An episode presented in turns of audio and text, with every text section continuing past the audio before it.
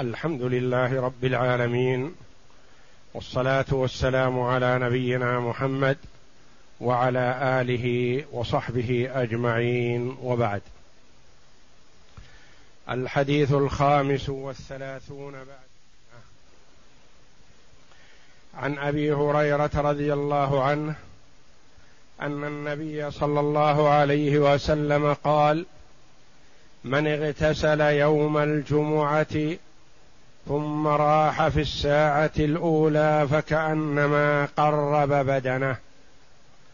ومن راح في الساعة الثانية فكأنما قرب بقرة. ومن راح في الساعة الثالثة فكأنما قرب كبشا اقرا ومن راح في الساعة الرابعة فكأنما قرب دجاجة. ومن راح في الساعة الخامسة فكأنما قرب بيضة فإذا خرج الإمام حضرت الملائكة يستمعون الذكر. هذا الحديث مخرج في الصحيحين وفي غيرهما من المسانيد والسنن. والحديث دل على الحث على الاغتسال ليوم الجمعة وليكن ذلك قبيل الذهاب لصلاة الجمعة.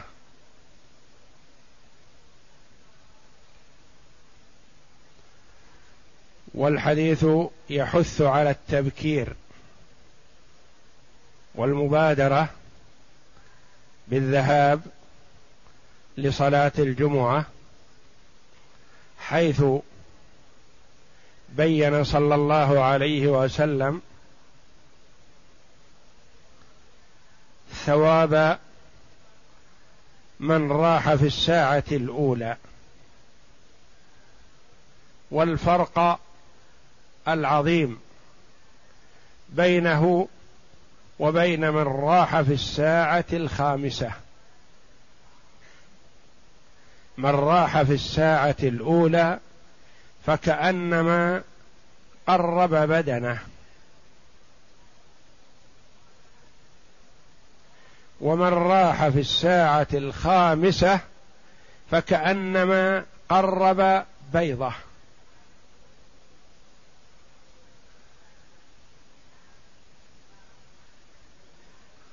فالحديث واضح في الحث على المبادرة بالذهاب لصلاة الجمعة على أحسن هيئة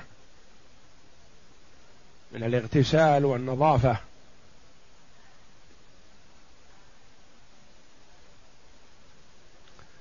ثم إن العلماء رحمهم الله اختلفوا في وقت الرواح. متى يبدأ؟ ومتى تبدأ هذه الساعات؟ فكثير من العلماء رحمهم الله قالوا من أول النهار. وهل يكون ذلك من صلاة الفجر أم من طلوع الشمس؟ أم بعد طلوع الشمس؟ الإمام مالك رحمه الله وبعض العلماء قالوا الرواح من الزوال. لأن الرواح عندهم الذهاب مساء بعد زوال الشمس.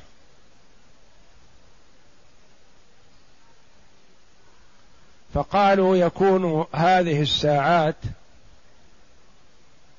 في فترات متقاربة من الزمن أولها يبدأ من الزوال. وآخرها بدخول الإمام. وهذه في وقت يسير. نقول لما يرحمكم الله؟ حددتموها بهذا الوقت. قالوا لأنه النبي صلى الله عليه وسلم قال من اغتسل ثم راح. والرواح في اللغة من بعد الزوال. قبل الزوال لا يسمى رواح وإنما يسمى غدو. نقول إن وافقوكم أهل اللغة على هذا فحسن. لكن نجد كثيرا من أهل اللغة يقولون الرواح المراد به الذهاب. سواء كان في أول النهار أو في وسط النهار أو في آخر النهار أو في الليل. كله يقال له رواح. وأهل اللغة يؤخذ بقولهم بهذا الاعتبار. ثم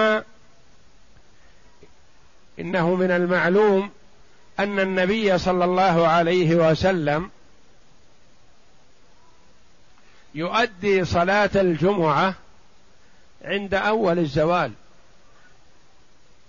حتى قال بعض العلماء إنه ربما خطب الخطبة قبل الزوال لأنه يخطب عليه الصلاة والسلام ويصلي الجمعة وكثيرا ما يقرأ فيها بسورتي الجمعة والمنافقون. ثم يخرج الصحابة من الصلاة يتتبعون الفيء وليس للحيطان ظل يستظل به. ولو كانت هذه الساعات الخمس بعد الزوال ثم خطب النبي صلى الله عليه وسلم ثم صلى لخرجوا وللحيطان ظل واسع يستظل به.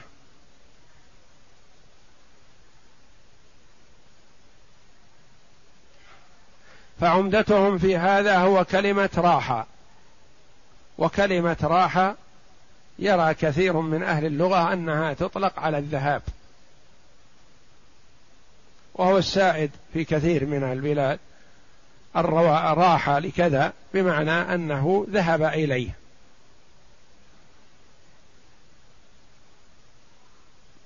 ثم إن الحديث في الحث على التبكير يوم الجمعة. والتسابق إلى الصف الأول. والدنو من الإمام.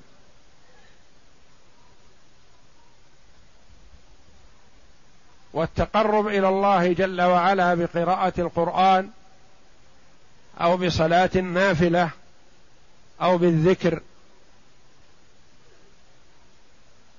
وإذا حددناها كل هذه من بعد الزوال معناه أنها فترة وجيزة قليلة جدا. لا تتسع لهذا.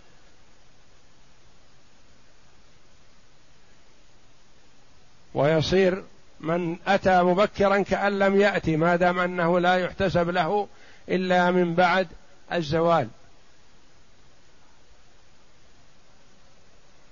ولا يتسع الوقت من الزوال إلى صلاة النبي صلى الله عليه وسلم إلى تقسيمه إلى خمسة أقسام أو ستة في بعض الروايات أنه جعلها ستة ومن راح في الساعة الخامسة فكأنما قرب عصفورا. ومن راح في الساعة السادسة فكأنما قرب بيضة. في بعض روايات الحديث قسمها إلى ست ساعات. فلا يتسع الوقت لهذا. فقول الجمهور أولى بالصواب والله أعلم.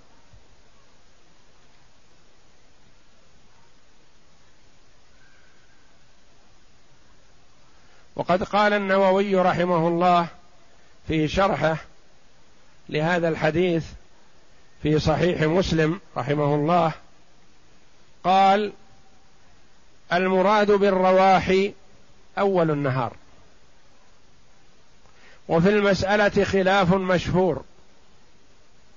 مذهب مالك وكثير من أصحابه والقاضي حسين وإمام الحرمين الجويني من أصحابنا يعني من الشافعية.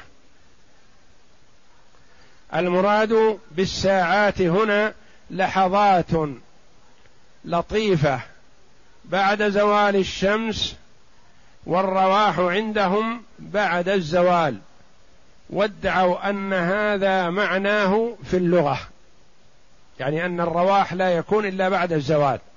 قالوا هذا معناه في اللغة.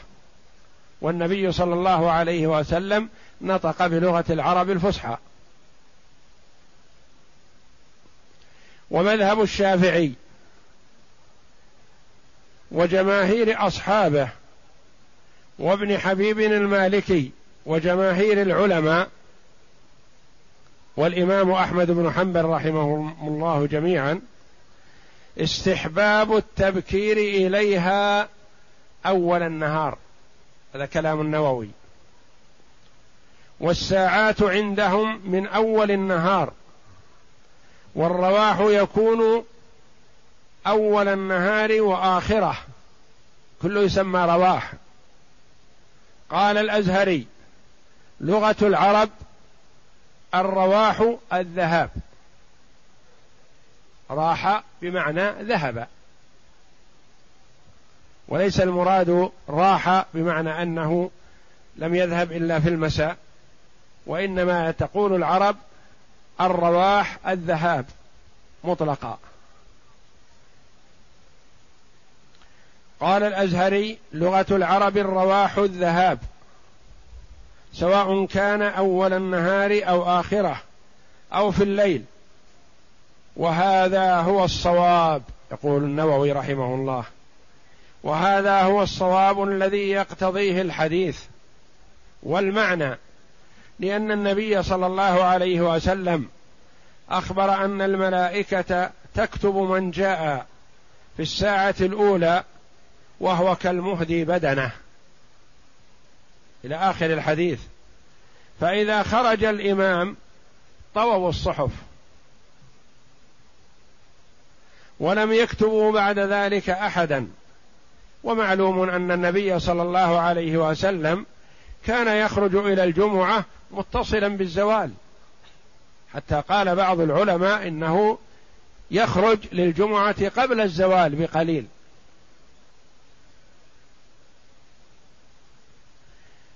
وهو بعد انفصال السادسة الساعة السادسة فدل على أنه لا شيء من الهدي والفضيلة لمن جاء بعد الزوال. ما دام أن النبي صلى الله عليه وسلم بدأ بالخطبة انتهى الوقت والتحد وال... وكتابة من جاء وتقدير هديه هل هو بدنة أو بيضة. فدل على أنه لا شيء من الهدي والفضيلة لمن جاء بعد الزوال لأن بعد الزوال يتحتم المجيء. إذا نودي لصلاة الجمعة كما قال الله جل وعلا وإذا نودي لصلاة الجمعة يا أيها الذين آمنوا إذا نودي للصلاة من يوم الجمعة فاسعوا إلى ذكر الله وجب يتحتم. إذا سمع النداء نداء الجمعة وجب عليه أن يسعى ما له فضل ولا له هدي في هذا هذا ملزم بالمجيء. فدل على أنه لا شيء من الهدي والفضيلة لمن جاء بعد الزوال. ولأن ذكر الساعات إنما جاء للحث في التبكير إليها والترغيب في فضيلة السبق وانتظارها وتحصيل الصف الأول والاشتغال بالتنفل والذكر ونحوه وهذا كله لا يحصل بالذهاب بعد الزوال. بعد الزوال ما في وقت. ولا فضيلة لمن أتى بعد الزوال لأن النداء يكون حينئذ يعني عند الزوال يكون النداء. ويحرم التخلف بعد النداء. ما يجوز للإنسان. ولا يصح البيع. ولا يصح الشراء. ولا يصح شيء من العقود. إذا نودي للصلاة. ويحرم التخلف بعد النداء. والله أعلم. هذا كلام النووي رحمه الله. ردا على ما رآه الإمام مالك. وبعض أصحابه. وبعض العلماء. فالجمهور على أن المراد بهذه الساعات من أول النهار. لكن هل يكون من صلاة الفجر؟ أم يكون من طلوع الشمس؟ تبدأ. ويقسم الزمن إلى خمس ساعات أو ست ساعات حسب الرواية الأخرى أنها ست.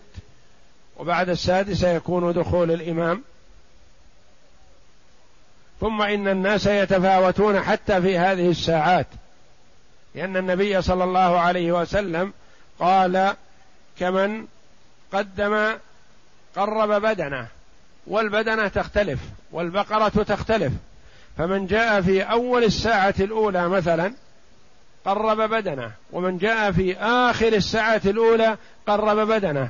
لكن بين البدنتين اختلاف وتفاوت كبير لأن البدن في الهدي والمتداوله بين الناس متفاوتة وأن التفاضل للناس بحسب أعمالهم وتقربهم إلى الله جل وعلا لا بالهيئات ولا بالمكانة عند الناس ولا بالجاه ولا بغير ذلك وإنما هي بحسب التقرب إلى الله جل وعلا. فمن تقرب إلى الله جل وعلا واجتهد في ذلك وتقدم وسابق غيره فله الفضل. ومن تأخر فهو دون ذلك.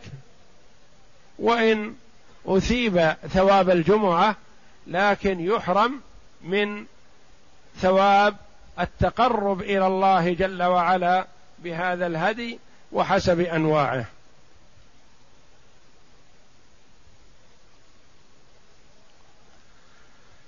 قوله راح تأتي بمعنى السير في آخر النهار كما تأتي بمعنى مطلق الذهاب. وهو المراد هنا ولذا أريد بها الذهاب في أول النهار لصلاة الجمعة. وما يزال هذا مستعملا في نجد والحجاز وبعض بلاد الشام. يعني يقول راح لكذا وهو القصد أنه ذهب في الصباح. دجاجة بفتح الدال وكسرها. يعني ينطق بها كلمة دجاجة ودجاجة بكسر الدال. يقع على الذكر والأنثى من الدجاج. والجمع دجاج ودد ودجادج تجمع دجاج على دجادج وحضرت بفتح الضاد وكسرها حضرت وحضرت. استماع الذكر.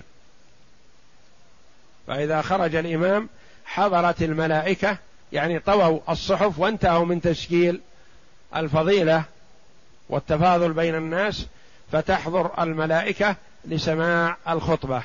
حضرت ويصح أن تنطق حاضرت بكسر الضاد.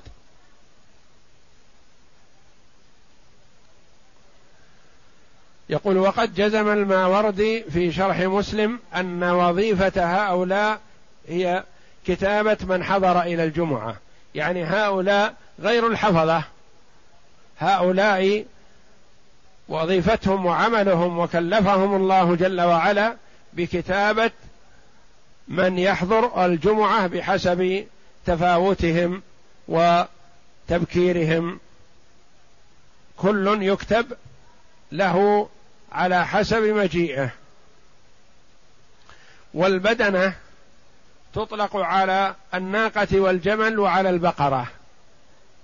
يعني إذا أطلقت بدنة فتطلق على البقرة وعلى البعير من ذكر وأنثى. إلا أن الغالب استعمالها في البدنة من الإبل. وهو المراد بهذا الحديث لأنها ذكرت البدنة وذكرت البقرة. فإذا ذكرتا معا فالبدنة للإبل دون البقر. وإذا ذكرت البدنة وحدها فهي تشمل البدنة والبقرة. وكما ثبت في الهدي والأضحية أن البدنة عن سبعة ويراد بها البقرة والبعير.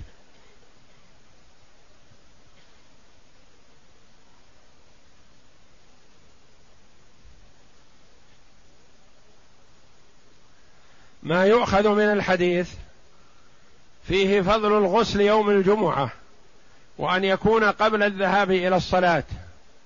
وتقدم لنا أن بعض العلماء قال بوجوبه من أحاديث. وبعضهم قال باستحبابه وهو الجمهور. هم الجمهور قالوا باستحبابه لهذا الحديث. لأن النبي صلى الله عليه وسلم ذكره في هذا الحديث على سبيل التفضيل. والمراد بغسل الجنابة قيل المراد به أن يغتسل كغسل الجنابة يعني غسل كامل وليس المراد أن يغسل بعض جسمه لا بل غسل كامل كغسل الجنابة. وقيل المراد كغسل الجنابة بأنه من تمام الفضل أن يغتسل عن جنابة. عن جنابه عن جماع حتى يكون الغسل له ولأهله. قالوا والحكمة في ذلك والله أعلم لتطيب خاطره حتى لا تنشغل نفسه إذا رأى شيئا أعجبه في الطريق. فيكون قد قضى وطره وليس في حاجة إلى شيء فيكون اعون له على غض البصر وعدم النظر. وإن نظر نظر فجأة فإنه لا يشغله لأنه قد طيب خاطره قبل أن يأتي.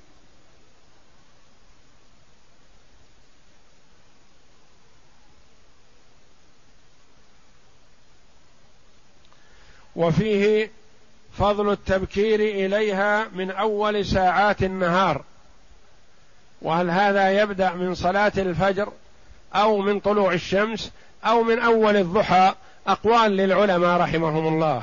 بعض العلماء قال لا يمكن أن نقول إنه من صلاة الفجر لأن المنقول عن الصحابة الذين هم أحرص الأمة على الخير وعلى الفضل وعلى التنافس والتسابق رضي الله عنهم ما نقل عنهم أن الواحد منهم كان يذهب لصلاة الجمعة بعد صلاة الفجر. وإنما المنقول أنهم يذهبون بعد طلوع الشمس وبعد ارتفاعها. ما كانوا يذهبون إلى صلاة الجمعة بعد صلاة الفجر. وما كان لائقا بهم رضي الله عنهم أن يفرطوا في الساعة الأولى. فهم رضي الله عنهم أحرص الأمة على الخير وعلى التنافس والتسابق فيما حث عليه المصطفى صلى الله عليه وسلم. ثلاثة الفضل المذكور في هذا مرتب على الاغتسال والتبكير جميعا. يعني هذا التقرب ببدنه وبقره إلى آخره هذا مرتب على أمرين. قد لا يحصل لمن أتى بواحد فقط. مرتب على الاغتسال وعلى التبكير. فإذا بكر ولم يغتسل قد لا يحصل على هذا الفضل. وإن اغتسل ولم يبكر فلا يحصل على هذا الفضل وإنما يحصل على هذا الفضل إذا جمع بين الأمرين فهو حث على الاغتسال وعلى التبكير. فينبغي للمسلم أن يحرص على الاغتسال حسب ما يتيسر له ولا يفرط في هذا ويتحمل ما يصيبه إن كان الماء باردا في وقت الشتاء أو كان الماء حارا في وقت الصيف احتسابا.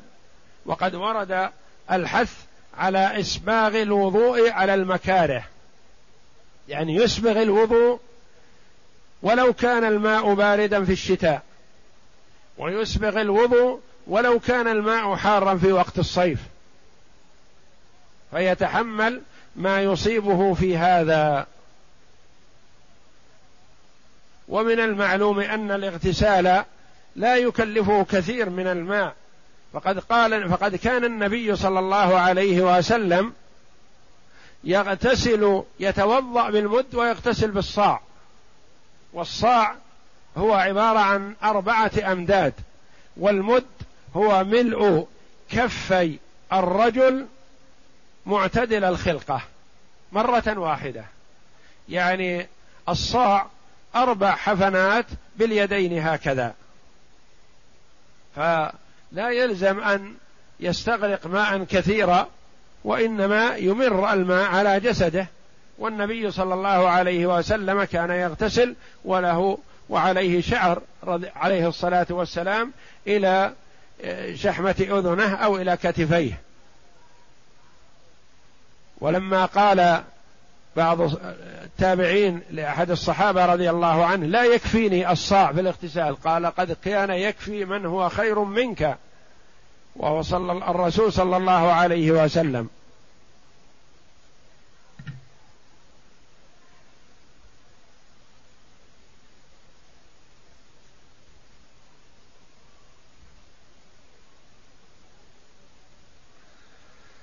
أربعة أن ترتيب الثواب على المجيء إليها يعني التوجه إلى الجمعة لأن المرء إذا اغتسل ثم خرج إلى السوق مثلا لقضاء حاجة في السوق أو لمتجره أو لشركته أو لدكانه أو نحو ذلك ثم ذهب إلى الجمعة في آخر الوقت ما نال هذا الفضل لأنه ينال هذا الفضل إذا خرج من بيته إلى الجمعة. أما إذا خرج لحاجة فلا يعتبر متوجها إلى الجمعة إلا بتوجهه إلى المسجد. خمسة أن البدنة أفضل من البقرة في الهدي وكذلك البقرة أفضل من الشاة. لا شك في هذا أن البدنة أفضل من البقرة لأنها أوفر لحما ولأنها أغلى قيمة ولأنها أنفس عند الناس. وكذلك البقرة أفضل إذا دفعها كاملة. أما الشاة فهي أفضل من سبع البقرة. والنبي صلى الله عليه وسلم لما أهدى في حجة الوداع عليه الصلاة والسلام أهدى البدن. أهدى مئة بدنة عليه الصلاة والسلام.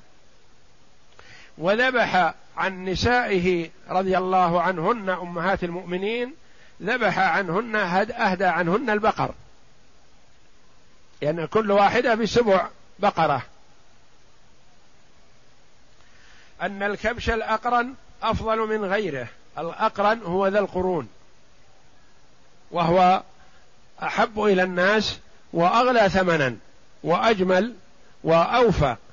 فلذا قال عليه الصلاة والسلام كأنما قرب كبشا اقرا ولم يقل كبشا فقط بل ذا قرون الذي هو أغلى عند الناس.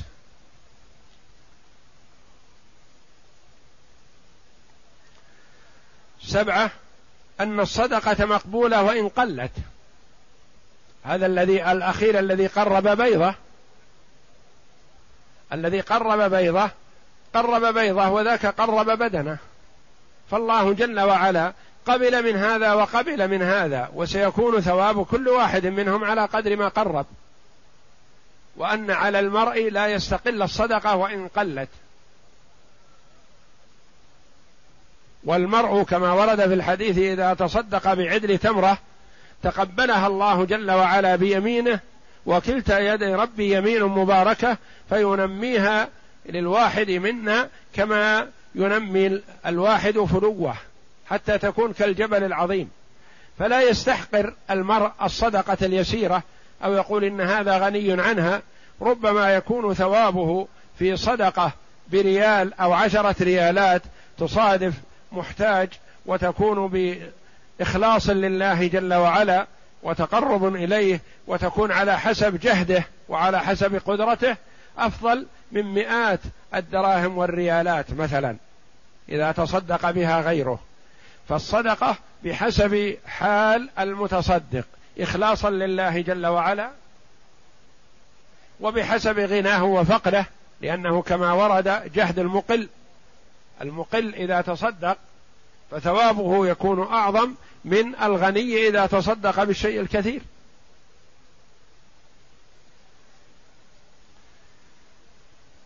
أن الصدقة مقبولة وإن قلت لأنه جعل إهداء البيضة مقياسا في الثواب يعني أنها مقبولة البيضة والتمرة ونحو ذلك.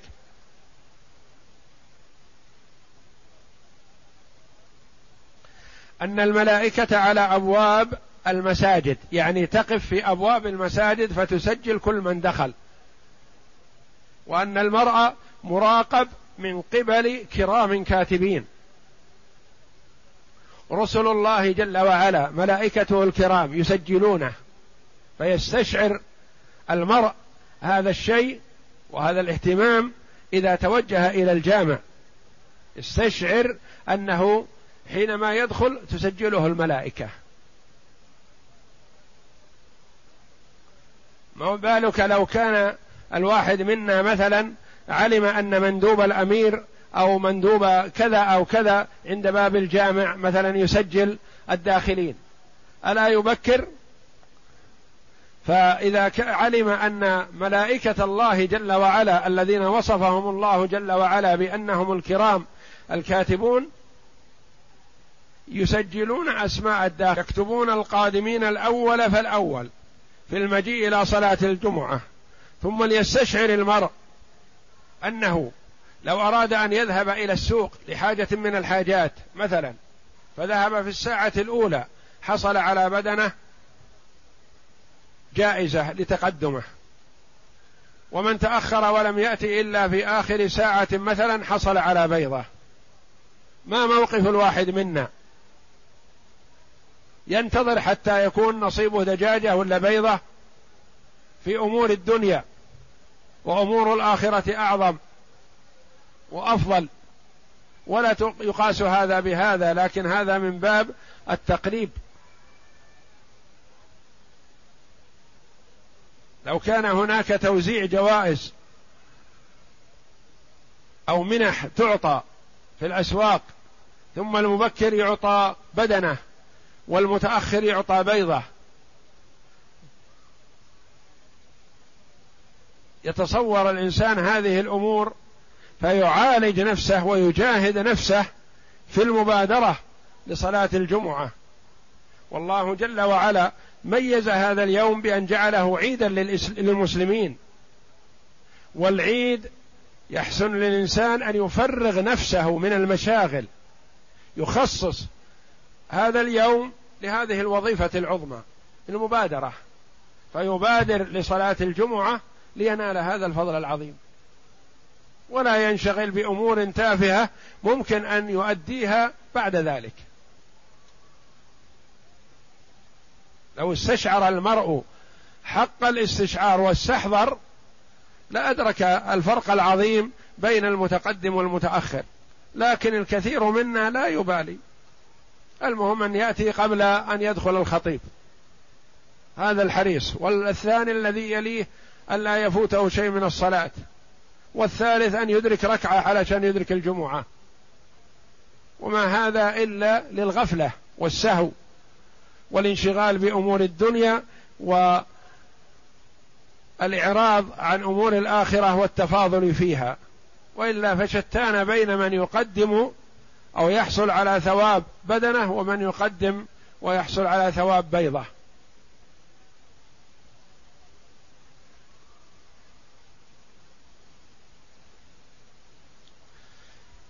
تسعة وأنهم ينصرفون بعد دخول الإمام لسماع الذكر فلا يكون للآتي بعد انصرافهم ثواب التبكير.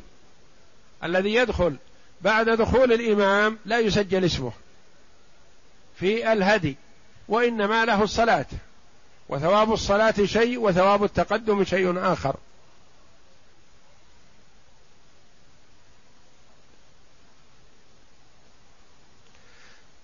تقسيم هذه الساعات الخمس من طلوع الشمس إلى دخول الإمام بنسبة متساوية. هنا قال من طلوع الشمس وقيل من طلوع من صلاة الفجر وقيل من ارتفاع الشمس حسب مجيء الصحابة رضي الله عنهم. وإذا رتبت على طلوع الشمس فلعل ذلك أولى.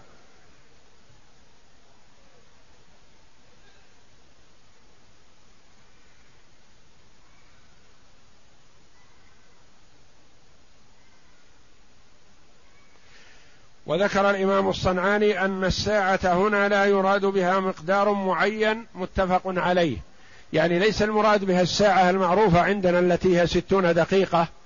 لا وإنما يجزى مثلا من طلوع الشمس إلى دخول الإمام إلى خمس أو ست ساعات وتوزع بالسوية.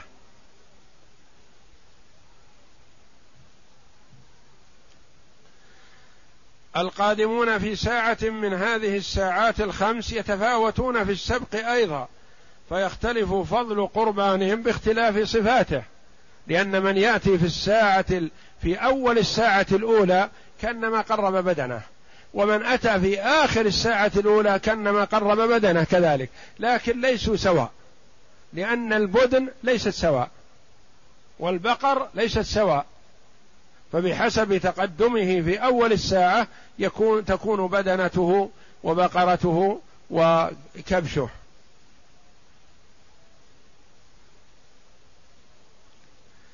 أن فضل الناس عند الحضور لصلاة الجمعة مرتب على أعمالهم بالجمعة وغيرها. قوله جل وعلا إن أكرمكم عند الله أتقاكم. ففضل الناس عند الله جل وعلا ليس بالجاه ولا بالغنى ولا بالسمعة ولا بالوظيفة وإنما بما وقر في القلب من الإيمان بالله جل وعلا.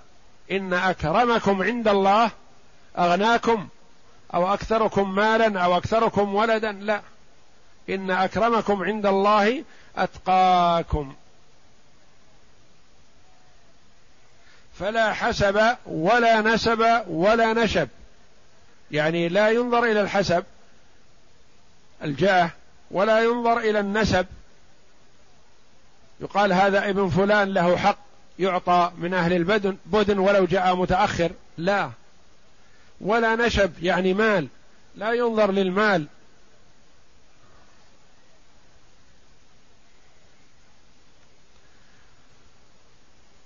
ثلاثة عشر الهدي الذي يراد به النسك فيما يتعلق بالحرم والإحرام لا يكون إلا من بهيمة الأنعام وهي الإبل والبقر والغنم.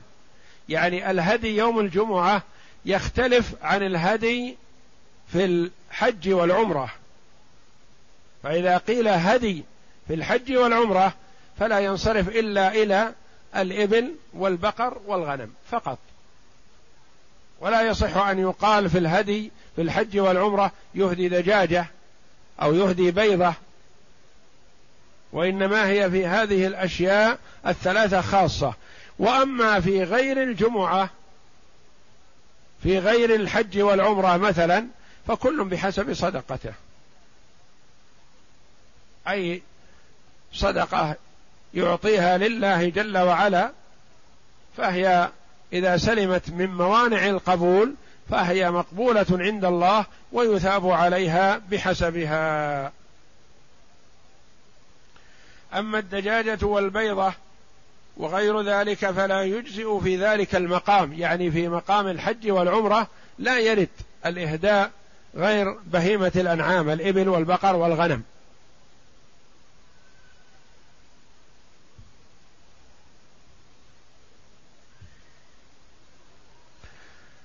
الحديث السادس والثلاثون بعد المئة.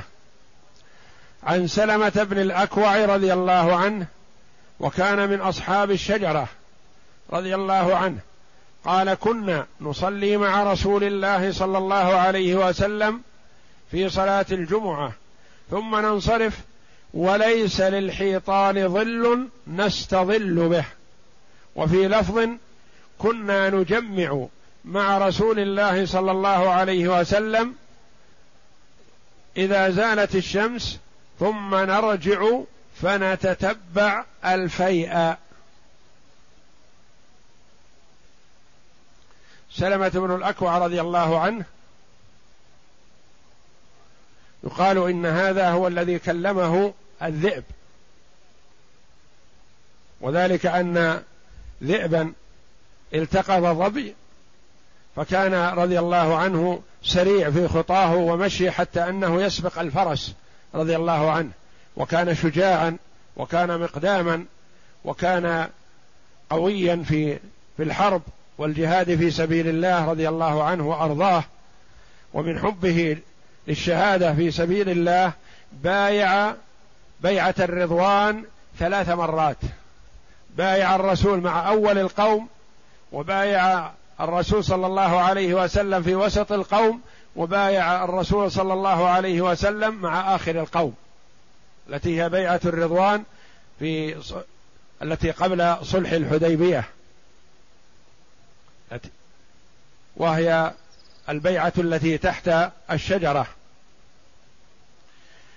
فكان رضي الله عنه من السباقين ويقال أنه كلمه الذئب لما أخذ ظبي أسرع رضي الله عنه وأخذ الظبي من في الذئب. ثم إن الذئب كلمه وقال له هذا رزق ساقه الله إلي ليس لك ولا لغيرك وإنما هو لي وتأخذه مني.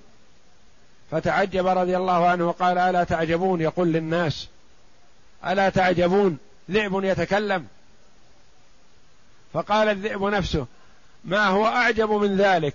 محمد صلى الله عليه وسلم قادم يدعوكم إلى عبادة الله وحده وتأبون عليه إلا عبادة الأوثان. فسمع سلمة رضي الله عنه هذا الكلام فأسرع إلى النبي صلى الله عليه وسلم وبايعه رضي الله عنه على الإسلام. فهو من السابقين إلى الإسلام رضي الله عنه وهو ممن تأخر وفاته رضي الله عنه في المدينة. يقول رضي الله عنه كنا نصلي مع رسول الله صلى الله عليه وسلم في صلاة الجمعة. ثم ننصرف. يعني ننصرف من صلاة الجمعة؟ وليس للحيطان ظل نستظل به. بهذا الحديث أخذ الإمام أحمد رحمه الله وبعض العلماء على أنها يصح أن تقام صلاة الجمعة قبل الزوال. وقالوا إن صلاة الجمعة صلاة عيد عيد الأسبوع فهي يصح وقتها من بعد من وقت صلاة العيد.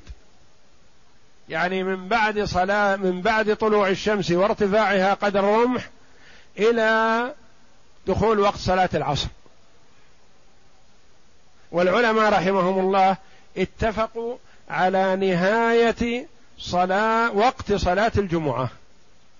وهو بنهاية وقت صلاة الظهر ودخول وقت صلاة العصر. هذا نهاية الوقت وقت الجمعة باتفاق. أوله الإمام أحمد رحمه الله وجمع من العلماء قالوا أوله وقت صلاة العيد يعني بعد طلوع الشمس وارتفاعها قدر الرمح. وآخره انتهاء وقت صلاة الظهر ودخول وقت صلاة العصر.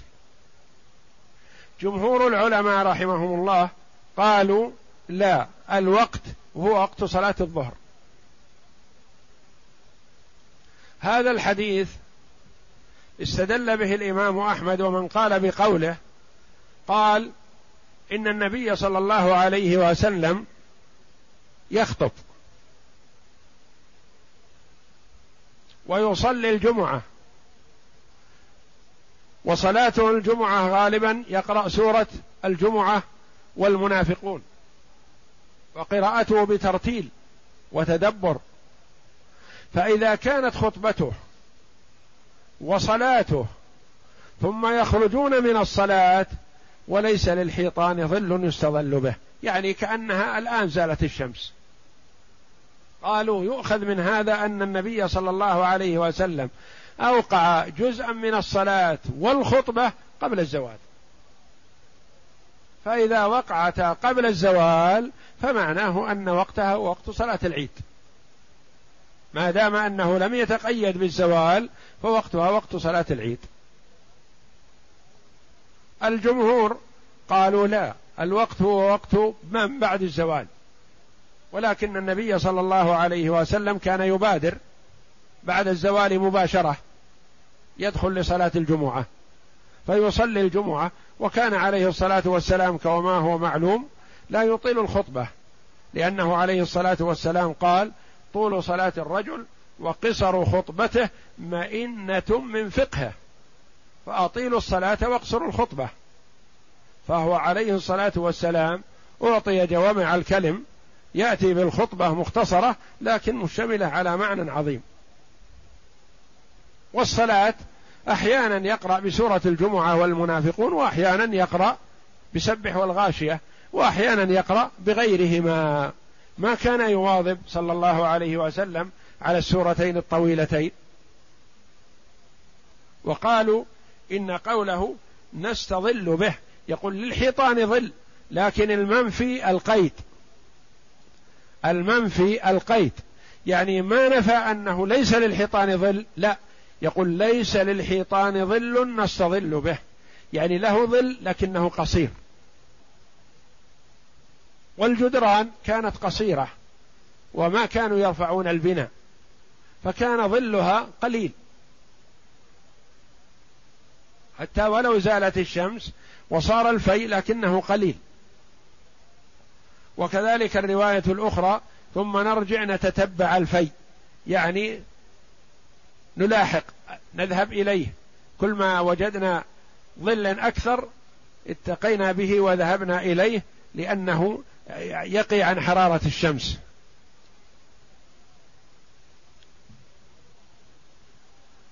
وظهور هذا الحديث في الدلالة لمذهب الإمام أحمد رحمه الله واضح حيث أنه كان يخطب عليه الصلاة والسلام الخطبة والصلاة الطويلة ثم يخرج وليس للحيطان ظل قابل للاستظلال. معناه أنه أوقع جزءا من الصلاة قبل الزوال.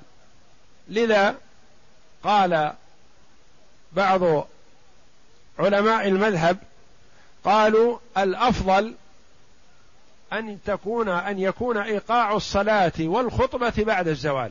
إلا إذا وجد حاجة وداع للتقديم كأن يكون الناس يريدون أن يخرجوا للجهاد في سبيل الله. فيصلوا الجمعة مبكرين ويمشون. أو أنه كان هناك حرارة وشدة شدة في الجو. لا يطيق الناس الصلاة في هذا الوقت وليس هناك ظل. كأن لا يكون مثلا ما في ظل يصلون في العرى. فتلك ضرورة أن يصلوا قبل حرارة الشمس. فلذا قالوا إذا كان هناك ضرورة وداع فلا بأس أن تصلى قبل الزوال. وإذا لم يكن هناك داع ولا ضرورة فالأولى صلاتها بعد الزوال خروجا من الخلاف.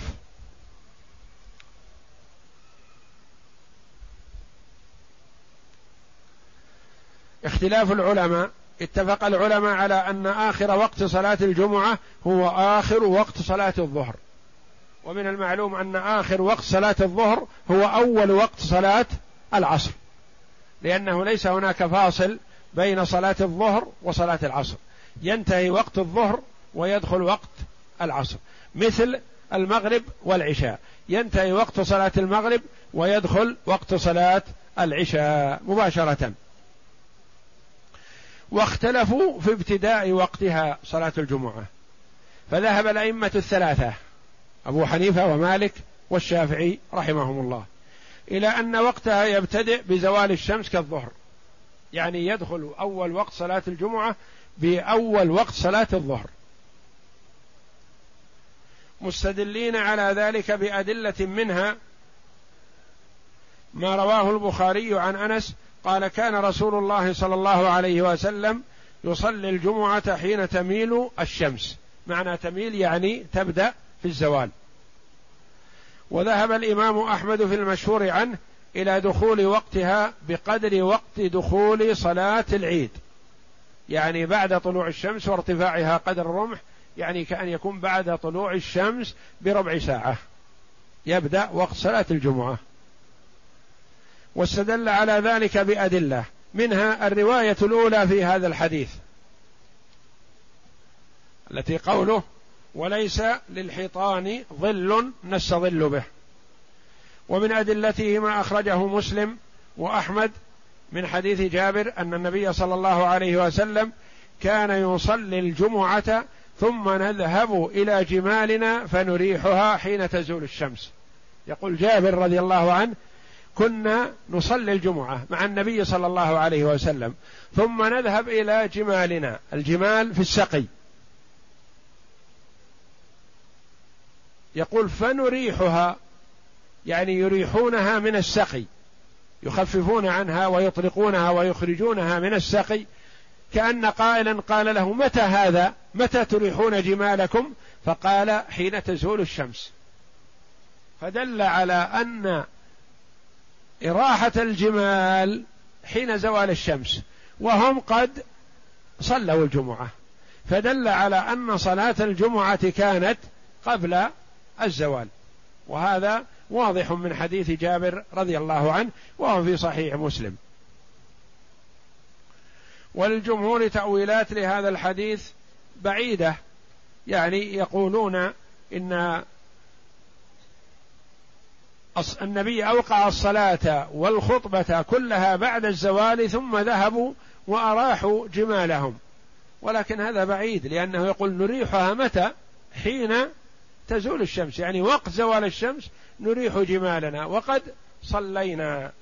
وفي حديث آخر ما كنا نقيل ولا نتغدى إلا بعد الصلاة. يعني أنهم كانوا رضي الله عنهم ما كانوا يشتغلون بشيء ضحى الجمعة سوى تأدية الجمعة. فإذا صلوا الجمعة ذهبوا للغداء والقيلولة ونحو ذلك.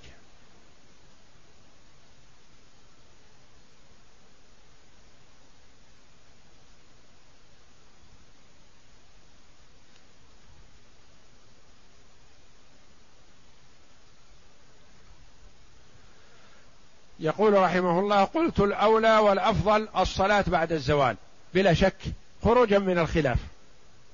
لأنه إذا أوقع الصلاة بعد الزوال فلا أحد يقول بأن الصلاة غير صحيحة. لكن إذا أوقعت قبل الزوال فكثير من العلماء يقولون الصلاة غير صحيحة. فخروجا من الخلاف أفضل. لأنه الغالب من فعل النبي صلى الله عليه وسلم. فهو الغالب في فعله لأنه لو كان الغالب في فعله قبل الزوال لنقل إلينا. ولأنه الوقت المجمع عليه بين العلماء. إلا أن يكون ثم حاجة كأن يكون هناك داعي لل لصلاة الجمعة قبل الزوال فحينئذ يؤخذ بالأحاديث المبيحة للصلاة قبل الزوال. من حر شديد وليس عندهم ما يستظلون به. يعني كأن تكون الصلاة في العرى أو المساجد لا تتسع للمصلين فيصلي كثير منهم في في الشمس. ثم يترتب على هذا أن يتضرر الكثير منهم بحرارة الشمس أو بضربات الشمس. فلا بأس في هذه الحال أن يبادر الإمام بالصلاة قبل حرارة الشمس وقبل الزوال.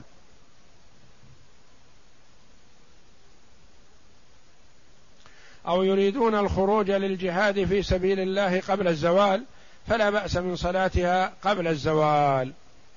ما يؤخذ من الحديث مشروعية التبكير في صلاة الجمعة مطلقا يعني في الحر وفي البرد.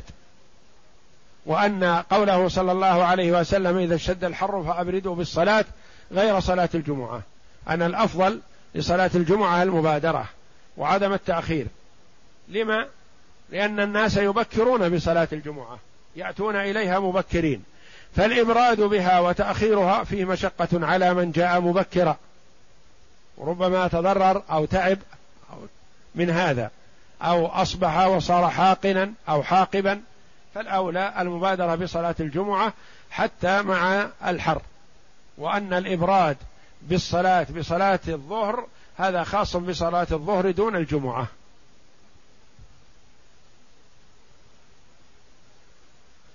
مشروعية التبكير في الجمعة مطلقة سواء كانوا في شتاء أم صيف ويكون حديث الإبراد خاص بالظهر لا بالجمعة.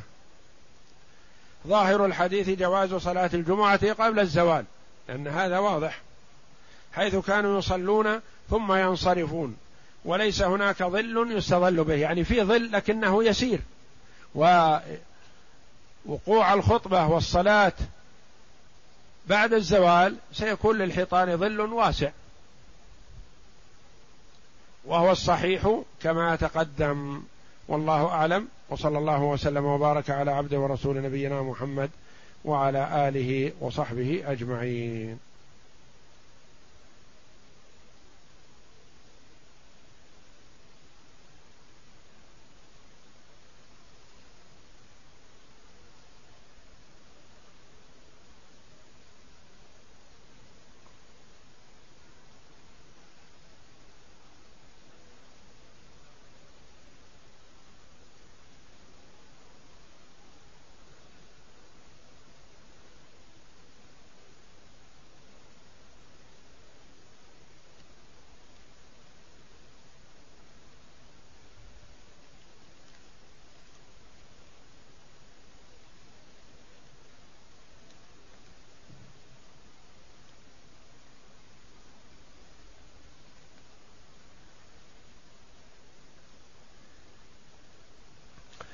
كيف تفصل ساعات النهار على ساعات التقريب؟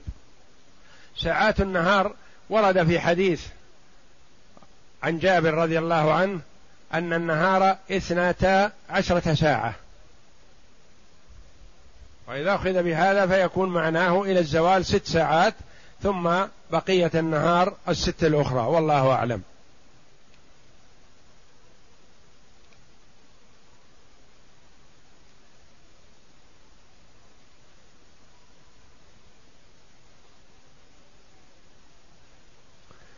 من توضأ وصلى صلاة الجمعة ولم يغتسل خوفا من فوات الصلاة. هذا لا شك صلاته صحيحة لكن فاته التقرب فاته الفضل وإلا فصلاته صحيحة لأنه كما تقدم لنا أن عثمان رضي الله عنه دخل وعمر يخطب. فقال عمر رضي الله عنه معاتبا لعثمان رضي الله عنه أي ساعة هذه؟ يعني كيف تنتظر إلى هذه الساعة؟ وفي فضل الصحابة رضي الله عنهم واهتمامهم بالأمر بالمعروف والنهي عن المنكر وأنهم لا يسكتون على ترك الأولى بل يحثون عليه ويرغبون فيه. فقال عمر عثمان رضي الله عنه معتذرا وأن المرء إذا عوتب بأمر من الأمور أن يبدي ما لديه من العذر. فقال ما زدت على أن سمعت النداء ان توضات وجئت قال والوضوء أيضا. يعني واقتصرت على الوضوء دل على أن الاقتصار على الوضوء صحيح. ولو كان غير صحيح ما اقتصر عليه عثمان رضي الله عنه. ولهذا من حرصه رضي الله عنه على على إيصال الخير للأمة لما كثر الناس شرع هو رضي الله عنه الأذان الأول حتى إن الناس يتهيئون لصلاة الجمعة لأنه وقعت عليه هو. انشغل بأمر من الأمور فما فطن إلا وقد وهو يسمع المؤذن ينادي بعد دخول الخطيب. ثم توضأ مسرعا وذهب إلى الجمعة فعاتبه عمر رضي الله عنه. فلما صار الأمر إليه شرع الأذان الأول قبل الأذان الأخير من أجل أن الناس يتهيئون لصلاة الجمعة ويحضرون.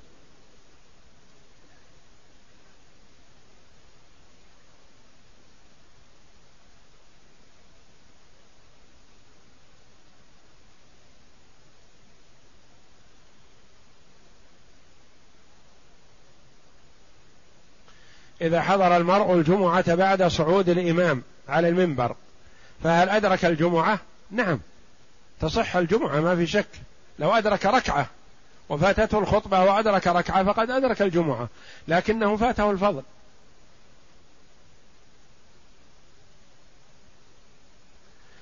إذا نودي لصلاة الجمعة هل المراد النداء الأول أم الثاني؟ المراد النداء الأول. النداء الثاني. النداء الثاني لأنه هو النداء الذي كان على زمن رسول الله صلى الله عليه وسلم وأبي بكر وعمر. والنداء الثاني كما النداء الأول كما عرفنا أن الذي شرعه وسنه هو عثمان رضي الله عنه والنبي صلى الله عليه وسلم قال عليكم بسنتي وسنة الخلفاء الراشدين المهديين من بعدي. وعثمان رضي الله عنه هو ثالث الخلفاء الراشدين رضي الله عنهم أجمعين وعن الصحابة أجمعين.